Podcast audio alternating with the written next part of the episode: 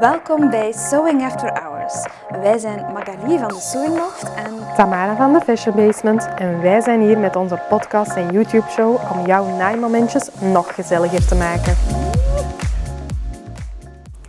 welkom terug bij een nieuwe aflevering van Sewing After Hours.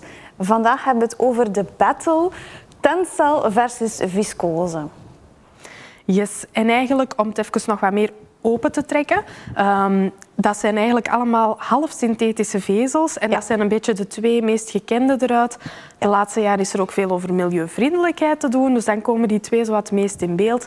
Eh, maar we gaan het een beetje over de volledige categorie hebben. Hè? Ja, ja want viscose, we kennen dat ondertussen allemaal, dat is een heel soepele stof. Dat is heel aangenaam om te dragen in de zomer, is luchtig. eh, is ook heel mooi voor in bloesjes te gaan verwerken, onder andere. Maar viscose, wat is dat nu eigenlijk juist? Dat is eigenlijk een stof die ook gewonnen wordt uit eh, cellulose ofwel houtvezel. Mhm. Inderdaad, ja, dat is eigenlijk een, een half synthetische ve- vezel. Dus dat wil zeggen, dat is een natuurlijk product, houtpulp. Kan van verschillende boomsoorten afkomstig zijn. En die houtpulp wordt eigenlijk vermengd met een chemisch product, waardoor dat je een soort goedje krijgt.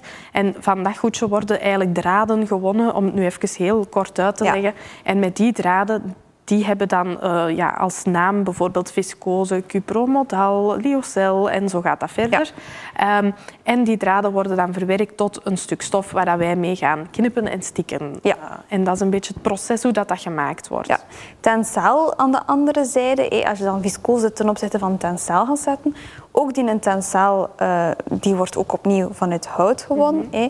Maar tencel ehm, komt er vaak zo een toevoegingskanaan. hé. Tencel lyocell, maar lyocell is eigenlijk meer een beschermde merknaam, als ik het zo kan zeggen. Eh, lyocell is de vezel, tencel is de merknaam, omgekeerd. Ah, ook omgekeerd, ja, je moet pardon. maar blijven onthouden. Hè? Ja, sorry. Maar die, dan, ehm, die vezels die worden dan eigenlijk gemaakt ook weer vanuit hout, maar dan voornamelijk eh, eucalyptushout. En dat wordt dan ook eh, gecertificeerd eh bossen, hè, want dat wordt voornamelijk in Italië en dergelijke en Griekenland, heb ik gezien. Ja, ik durf nu niet zeggen welke eh, streken dat het hout vandaan komt. Ik denk ook wel dat het van over heel de wereld kan komen in principe. Ehm, want het is ja, ondertussen echt een vezel erkend als in niet eigen van één merk, zal Ja. ik zeggen. Het belangrijkste verschil ook met viscose is het feit dat het veel milieuvriendelijker is. Omdat natuurlijk, ehm, we zeggen wel, het komt van een natuurlijk product, maar die chemicaliën die gebruikt worden, die zijn heel schadelijk voor het milieu. En bij, ehm, bij Lyocell worden daar veel milieuvriendelijkere chemicaliën voor gebruikt, die niet zo schadelijk zijn voor het milieu. Maar ook, die worden heel de tijd herwonnen. Dus dat is eigenlijk een closed loop, om het zo maar te Ja. zeggen. De chemicaliën worden heel de tijd herbruikt en gaan niet eigenlijk met het afvalwater weg om dan nieuwe producten te gebruiken. Wat dat ervoor zorgt dat dat natuurlijk een heel pak duurzamer wordt tegenover de traditionele manier van viscose maken. Want viscose is eigenlijk de eerste keer dat er een synthetische vezel gecreëerd is. Allee, half synthetisch. Ja, want dat is een beetje de red flag zo rond die viscose. Hey, mensen willen graag natuurlijke stoffen en dan komt viscose eraan. Maar dat is een beetje moeilijkheid. Je moet maar je voelen aan, aan een boom hoe hard dat, dat is. Van, maak daar maar eigenlijk een soepele, losse vezel van. Oké, daar gaat er heel veel chemicaliën aan te pas komen om dat altijd maar zachter te brengen, maar Ja. ook om de kleur te kunnen opnemen en dergelijke. Ja, zeker. Dus eh, ja, Ja, en dat, heeft, dat is natuurlijk een beetje het goede en het slechte van twee werelden. Ja. Want viscose of afleidingen daarvan, kunstzijde noemen we dat eigenlijk vaak eh, eh, in, een, in een categorie, omdat dat allemaal zo zacht en glad is, dat dat vaak als... Vroeger werd dat echt als kunstzijde bestempeld. Ondertussen wat minder, omdat er zoveel verschillende variëteiten zijn. Ehm, maar inderdaad, ja, ehm, die bewerking dat is heel intensief, waardoor dat er veel chemische dingen aan te pas komen. Maar het blijft wel nog altijd zacht, luchtig, ademend, vochtopnemend, zoals eigenlijk naar katoen het geval is. Dus daardoor grijpen we daar heel vaak naar. We zijn ons ondertussen ook wel bewust van die milieu... ehm, onvriendelijke ehm, proces daarvan. Ik denk heel veel mensen zijn daar tegenwoordig mee bezig. En daarom dat eigenlijk viscose tegenover die lyocell of tencel, eh, hoe dat je het ook wilt noemen, ehm, dat dat zo de twee producten zijn die zo wat tegen elkaar gezet worden. Hè. Ja. Maar er zijn nog andere variaties van. Ja, bijvoorbeeld bij de viscose, om eigenlijk ook eh, een beetje tegemoet te komen in het hele uh, milieuvriendelijkheid uh, van de vezel. Ik heb je dan bijvoorbeeld ook een variant die noemt dan tensel, uh, viscose Ecovero. Mm -hmm. En de Ecovero, dat ligt dan wel een beetje nauw aan mijn hart. Yeah. dat wordt gemaakt in, in Oostenrijk. En Oostenrijk die is eigenlijk gekend voornamelijk voor zijn houtbouw. Die hebben heel veel bossen.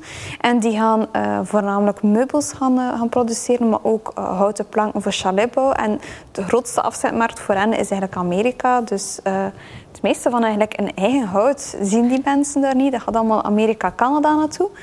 Maar met de rest uh, van het hout dat overblijft, zowel met het zaagsel als met de stukken, dat wordt dan gebruikt om uh, de Ecovero-viscose te gaan maken. En ook daar uh, maar dat is typisch Oostenrijks. Uh, ja, we, hebben, we hebben daar ons hart wat verloren en we gaan daar heel graag naartoe, zomer en winter. Maar typisch voor Oostenrijk is dus dat je um, bijna niks milieubelastend mag doen. Mm -hmm. Dus uh, sowieso alle chemicaliën die gebruikt worden, die moeten ook zacht zijn voor het milieu.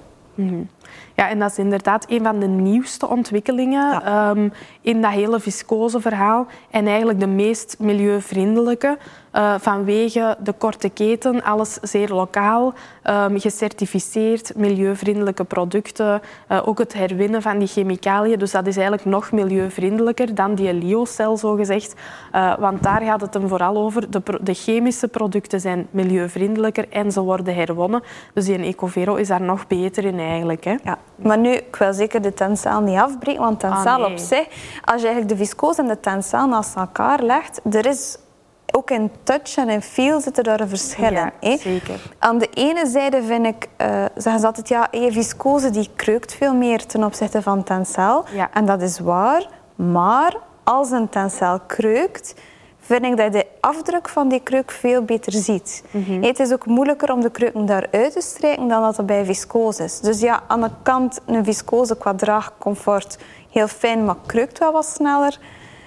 Maar de kreuken zijn wat zachter. Mm -hmm. Ik vind vooral ook het grote verschil in de twee als je ze naast elkaar ziet, of zelfs niet naast elkaar. Maar ja, viscose is op zich is het maar een naam van een vezel natuurlijk. Hè. Mm -hmm. Maar in de stoffen zien wij heel vaak dat dat zo de ultra flinterdunne stofjes zijn. Mm -hmm. Heel soepel, heel luchtig. Leuk. Um, in de zomer zeker natuurlijk, uh, voor een blouseje, een jurkje. Maar dat heeft ook altijd een bepaalde doorschijnendheid, zeker in de mm -hmm. lichte kleurtjes.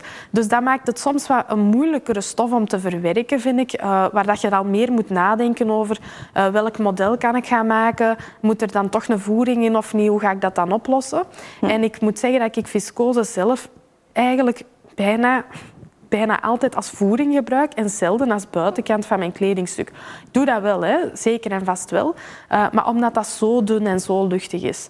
Uh, en dan heb ik veel liever iets zoals een tencel. Dat heeft veel meer body. Hè. Dat is zwaarder van stof, dat trapeert zo schoon, dat valt heel mooi, dat heeft veel mm -hmm. meer body.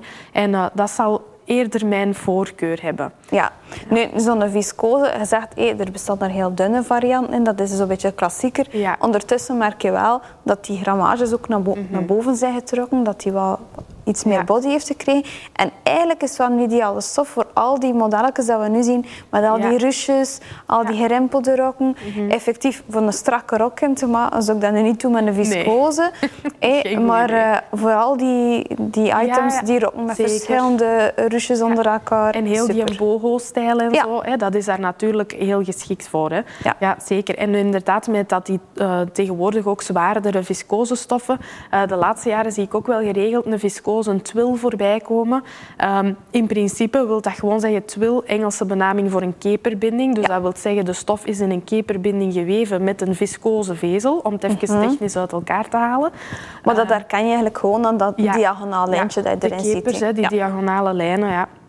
En uh, dat is ook wel iets, daar uh, werk ik uh, graag mee. Ik heb zo'n groen kleedje gemaakt met zo'n groen stofje met bloemetjes. Dat was nogal populair. Mm -hmm. en dat was ook een viscose twil. Ik kreeg daar heel veel vragen over. En inderdaad, in zo'n um, uh, dikte, zo'n zwaarte, die een body van stof, dan is dat een stofje waar ik heel, uh, ook voor mijn rusjes en het een en het andere gaan te werken. Maar natuurlijk ja, hangt er een beetje van af, hè, want zo een brede of een brede ruche ergens aanzetten mag ook niet te zwaar gaan worden. Nee. Hè. Ja. Dus zeker en vast.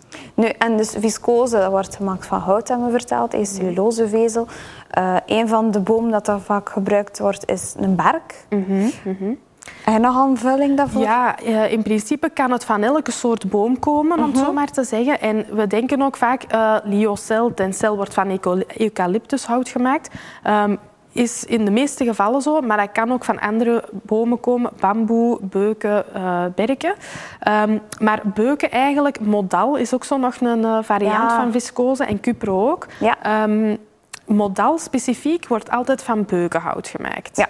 Ehm, en daar zit dan ja, een verschil van oorsprong, maar uiteindelijk de, de eigenschappen, de kwaliteiten van de stof zijn wel altijd een beetje hetzelfde. En Cupro is ook een van mijn persoonlijke favorieten, omdat die Lyocell en die Ecovero, dat is nog maar vrij recent dat dat bestaat. Toen als ik begon met naaien was dat er nog niet, of toch niet verkrijgbaar in de winkels, ik zal het zo zeggen. En dan kocht ik wel al eens graag een Cupro. Eh, even milieubelastend als viscose eigenlijk, maar dat is eigenlijk eh, meer eh, ge- gemeen, ik maar zeggen, met een tencel. Dus ook wat zwaarder. Ja. En wat ik vind bij Cupro, daar heb je heel goed die witte glans, eigenlijk zoals eigenlijk zijde heeft. Ja. Dus een Cupro... Die noem ik eigenlijk echt kunstzijde. Ja. Allee, als je dat van al die Ja. vezels gaat spreken, uitzicht. Hè? dan vind ik dat deze echt kunstzijde is. Ik heb er een blouseje in gemaakt en is dat, dat auberginekleur zo. Ehm, ik vind dat ook een beetje een zeepige stof. Mhm, dat Eh, voelt zo heel... Je voelt bijna die waas voelde zo. hè? Ja, ja. Ja, en dat is eigenlijk een beetje hetzelfde met bijvoorbeeld ehm, ja, die Cupro in, in zo'n een, een, een gewone stof, zal ik zeggen, zie je heel goed die witte glans. Maar Cupro in voering, als in die Bembergzijde, zo gezegd. Want Mhm. Cupro en Bemberg zijn zo wat twee benamingen. Ook weer de vezel en het merk, zo gezegd, Ja. dat dat het meest Zoals met de tencel, leocel. Yes. Ja. Mhm. En ehm, in die Bemberg-voeringen, daar zie je dat dan... eh, ja, die glanst ook heel hard. Dat heeft minder die witte schijn, maar dat voelt ook veel meer dat je eigenlijk al denkt, heb ik nu zijde vast of is het Ja. nu gewoon een polyestersatijn? Maar het is eigenlijk die Cupro en door het feit dat die in een satijnbinding geweven is, glanst dat dan nog eens extra hard. Eh, ja, ik ben helemaal fan van Cupro. Jammer van de milieubelastende eigenschappen. Ja. Ehm, maar het, ik vind het wel een heel mooie stof qua uitzicht. Om terug te springen op die modal. Hè. Mhm. Die modal die is eigenlijk meest van al in, eh, in tricot. Je ziet hem bijna eigenlijk als geweven Ja. stof.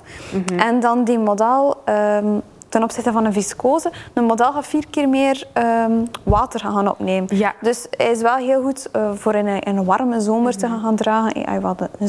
Ja. zet, dat is super om te dragen. En eh, het nadeel van die modal is wel, als er vlekken op zijn, dat is net zoals bij bamboe, eh, moeilijk voor dat eruit te wassen. Ja, ja, ja.